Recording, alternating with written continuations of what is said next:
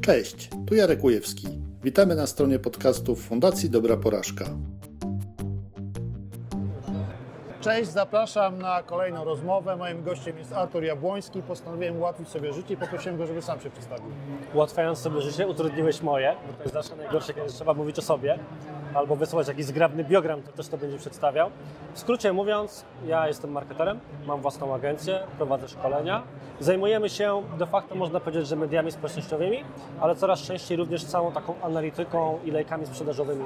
Czyli prowadzimy takim troszkę zewnętrznym działem marketingu na bardzo duże liczby klientów.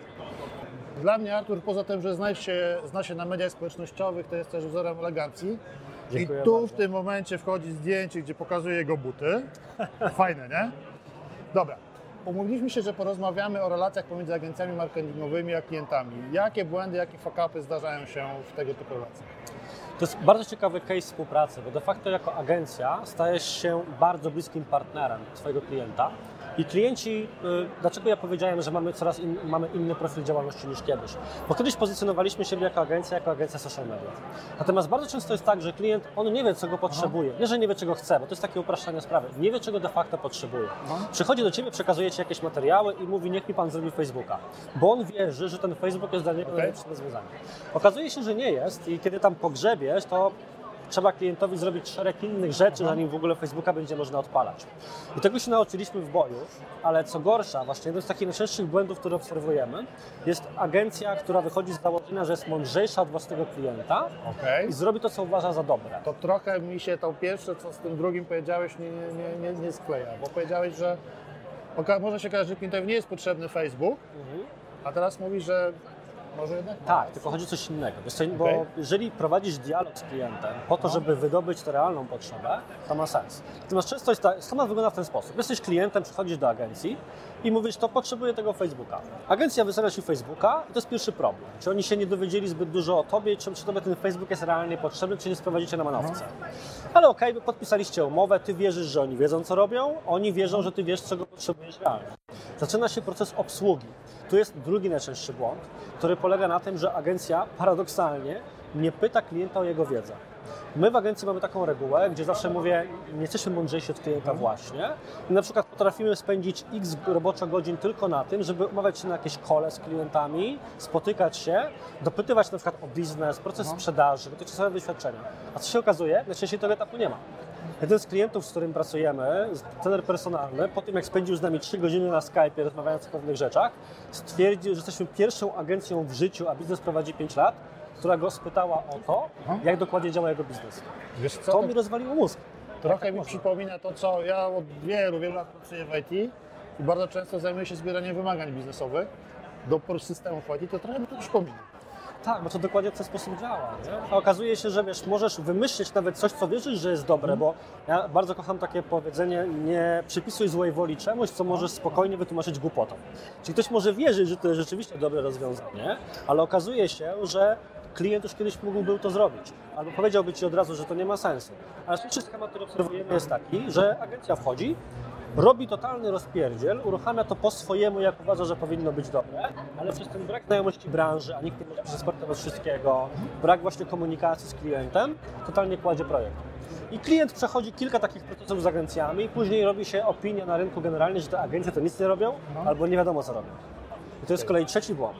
Trzeci najczęstszy błąd współpracy z agencją polega na braku komunikacji. Czyli na przykład ty możesz nawet w dobrej wierze robić cały szereg działań, ale klient nie jest o tym na bieżąco informowany.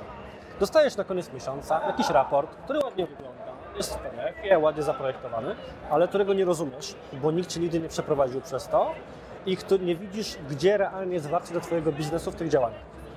I okazuje się, że to jest twój jedyny punkt styku, że nikt ciebie nie zadzwoni, nikt nie spyta, czy nie wiem, jest więcej leadów albo czy sprzedaż rośnie. Bazują ludzie tylko na tych danych, które mają. Okazuje się, że to jest zbyt mało.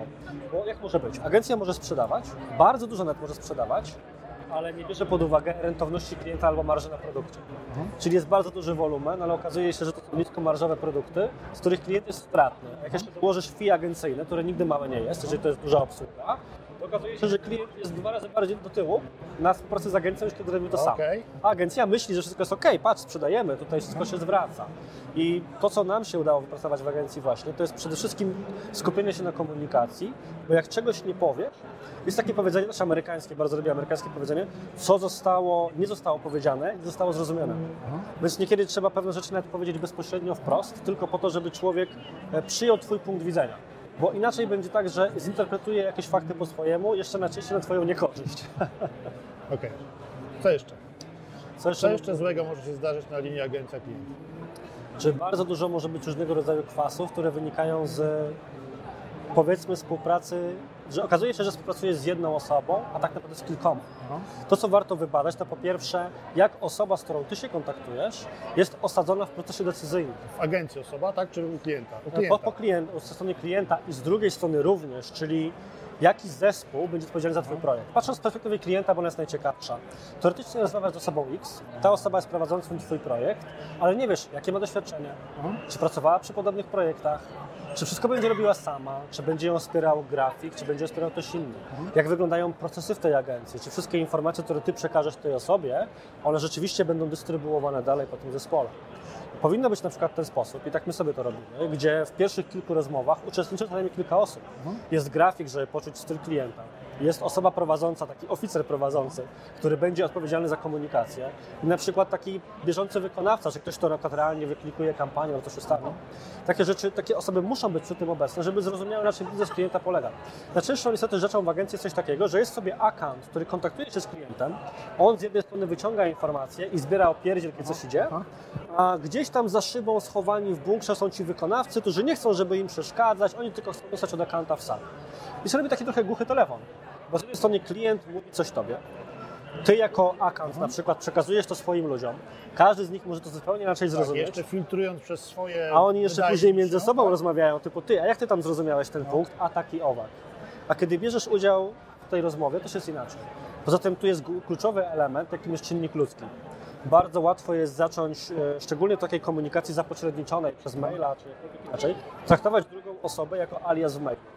Wtedy wiesz, nie, nie patrzysz na czyjeś uczucia, nie zastanawiasz się nad tym, co on powiedział, czy jak coś napisałeś, bo to jest dla ciebie wysłanie maila. A kiedy widzisz tę osobę po drugiej stronie, też łatwiej jest docenić jej wkład, zobaczyć jaka to jest osoba, łatwiej się porozumieć.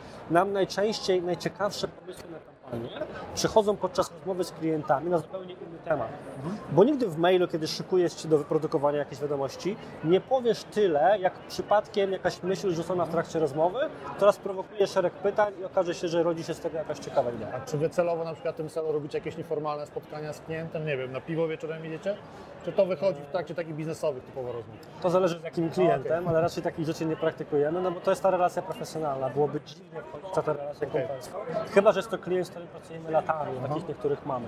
Natomiast rzeczywiście nas jest procedura, która polega na tym, że po pierwsze w bieżącym kontakcie jest osoba, która opiekuje się klientem, a oprócz tego i tak raz na tydzień są wysyłane podsumowania informacji, robienie takiego kola, który jest omówieniem, co się zadziało do tej pory, co się zadzieje w tygodniu przyszłym, jakie widzimy ryzyka i problemy. I mam takie wrażenie, że klienci częściej odchodzą od agencji nie z powodu wyników czy ich braku, ale z powodu braku wiedzy na temat tego, co się dzieje. I mieliśmy wiele razy sytuacje, gdzie klient widział, że jest pod kreską przez nas, bo nasze działania nie działają, ale mówił, ja widzę, że Wam zależy i że Wy się staracie, Wy robicie dużo działań, więc dajemy temu szansę. Pracujemy z jednym cateringiem dietetycznym, który teraz jest obecny w całej Anglii. Zaczynaliśmy z nim na jednym mieście, w okolicach Birmingham i tam przez dwa miesiące nie udało nam się sprzedać jednej diety. Okej? A poszło tam kupa funciorów oczywiście, więc to bardzo bolało kieszeń, ale klient wierzył, że to się uda, bo widział jak my pracujemy, ile z nim gadamy, co próbujemy zrobić i ba, co się okazało, trzeba było całkowicie pominąć stronę internetową, Okej. to się sprzedaży, jedynym miejscem, które sprzedaje jest Messenger. Ale gdybyśmy nie mieli tego czasu, byśmy do tego nie doszli. A jaki jest taki błąd bardzo częsty? Przez to, że agencja jest słaba w komunikacji, nie mówi co robi, nie mówi dlaczego to robi, co próbuje uzyskać, klient po miesiącu stwierdza, ci ludzie nie mają pojęcia i rezygnuje. A jednak to jest taki proces marketingowy, który wymaga czasu. Bardzo często.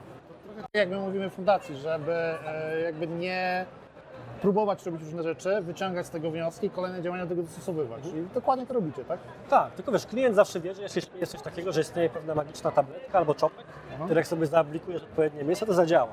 Czyli że istnieje taki uniwersalny, schematyczny, powtarzalny proces, który Robiłeś jeden sklep internetowy, przenosisz go jeden do jednego na drugi No. i wszystko jest pięknie. Natomiast my na przykład często pracujemy z rynkiem deweloperskim i możesz mieć dwie inwestycje koło siebie, dwóch różnych deweloperów i zupełnie inne rodzaje reklamy będą w nich działały. Dlaczego? Nawet się nie próbuję domyślać, po prostu tacy są ludzie. Raz działa to, raz działa to. A jeszcze później dochodzi do tego, że w jednym miesiącu działają jedne, a w drugim miesiącu dopiero inne. Więc to jest proces nieustannego testowania. Ale jeżeli nie, przy, nie przygotujesz na to klienta, nie powiesz mu, tyle pieniędzy spalimy, bo nie wiemy, co z nich wyniknie, bo tego się nie da przewidzieć, bo mamy pewne dobre praktyki, ale mamy ich 10, a sprawdzić się mogą dwie, ale wszystkie 10 musimy puścić, to w tym momencie klient będzie zawsze interpretował na Twoją niekorzyść wszelkie negatywne kroki, bo stwierdzi, oni nie wiedzą, co robią, nie dowożą wyników. Ostatnio brałem udział w takiej dyskusji e, facebookowej na temat tego, czy zlecić prowadzenie e, profilu na Facebooku, czy generalnie w mediach społecznościowych agencji, czy robić tam samemu. E, I szczerze mówiąc, ja mam zdanie, że należy zlecić, żeby się tym zajmowali fachowcy, a samemu, żeby zajmować się tym, co jest korem działalności. Tylko też pojawiały się racjonalne głosy obrazujące, czemu tego nie robić w pewnym momencie.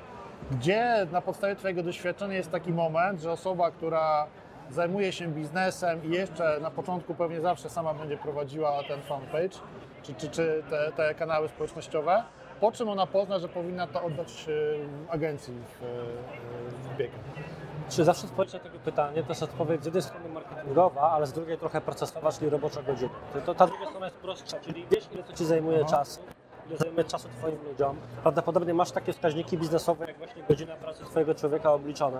Jeżeli widzisz, że Twoi ludzie poświęcają na to 12 roboczych godzin w tygodniu, bo muszą zrobić zdjęcia, przygotować, rzucić posty, odpowiedzieć na komentarze i tak dalej, to robisz się z tego pół etatu spokojnie w tym momencie, więc wtedy możesz się zwrócić sobie tego na zewnątrz. Odpowiedź czysto biznesowa.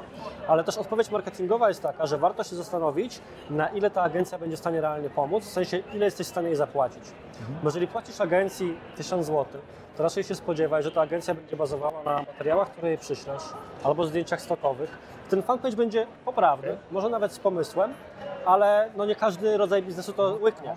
Bo jeżeli to jest jakaś prosta po prostu firma jako taka, to to może przejść. Ale jeżeli na przykład masz restaurację, która powinna wrzucać na bieżąco zdjęcia jedzenia, jakieś fajne stories robić, materiały od kuchni, z kuchni w tym momencie, to nagle się okazuje, że albo potrzebujesz agencję, która będzie miała montażystów filmowych, będzie mogła zlecić zdjęcia, więc twoje fee będzie dużo wyższa, to będzie raczej już kilku, kilkunastu nawet tysięcy złotych miesięcznie, albo okaże się, że lepiej jest zrobić to samemu, dedykowanej osobie w teamie, powiedzieć hej, pochodź po kuchni, porób jakieś materiały aplikacjami w necie i puść to, niech to będzie naturalne. Czyli to, Bo ta agencja nie będzie na tyle blisko, żeby codziennie u Ciebie być takie materiały robić. Czyli są też takie sytuacje, w którym warto po prostu taką dedykowaną osobę zatrudnić. Warto się po prostu zastanowić, na ile mój biznes wymaga tego, żeby ta agencja była to na przykład dwa razy w tygodniu zrobić materiały. No wiesz, my też pracujemy z korporacjami, którym no, jesteśmy u nich dwa razy w roku. Robimy po prostu zebrania wtedy wszystkie możliwe tego zespołów, działów, robimy im sesje zdjęciowe, kręcimy filmy. To są materiały, które nam wystarczą na kilka miesięcy, plus jesteśmy bieżąco w relacji z osobą po stronie klienta, która na naszą prośbę szykuje jakieś rzeczy typu proste zdjęcie, śmieszne z na prosty czwartek czy coś tam. I da się to sprocesować, ale jest to kwestią tego, czy obu stronom się to po prostu opłaca, czyli wracamy do tego wariantu roboczego godzin. Super. Podsumowując tą dyskusję, co ja wyciągnąłem z jaką naukę dla siebie, to jest to, że przede wszystkim po pierwsze warto komunikować się. Warto to nie rozmawiać. tylko przez, tak, warto rozmawiać. Nie tylko przez key accountów, ale zespołami, które są zainteresowane po stronie klienta tym, żeby uzyskać pewne określone efekty po stronie agencji, żeby dowieść te efekty w odpowiedni sposób. No i rozmawiać nie tylko o tym, co się udaje albo co ma być zrobione, ale też o tym, co się dzieje, tak? jak to jest prowadzone, jakie są, jakie są tego efekty. Jest chyba to nawet na to ładna nazwa zarządzanie oczekiwaniami. Przynajmniej z takim terminem się spotkałem. Czyli rzeczywiście, jeżeli powiesz, że coś jest elementem jakiegoś procesu, to w stanie akceptowalne. Natomiast jeżeli tego nie wyjaśnisz w czasie, coś się zadzieje, to później nawet jeżeli mówisz prawdę, to brzmi to jakbyś się tłumaczył. Super. Słuchaj, dziękuję Ci bardzo. To ja Mam dziękuję. nadzieję, że dowiedzieliście się czegoś więcej na temat relacji między agencjami i ich odbiorcami i skorzystacie z tych rad. Dziękuję. Dzięki. Dziękujemy za wysłuchanie naszego podcastu. Jeśli szukasz innych ciekawych materiałów, zapraszamy na stronę dobraporażka.pl.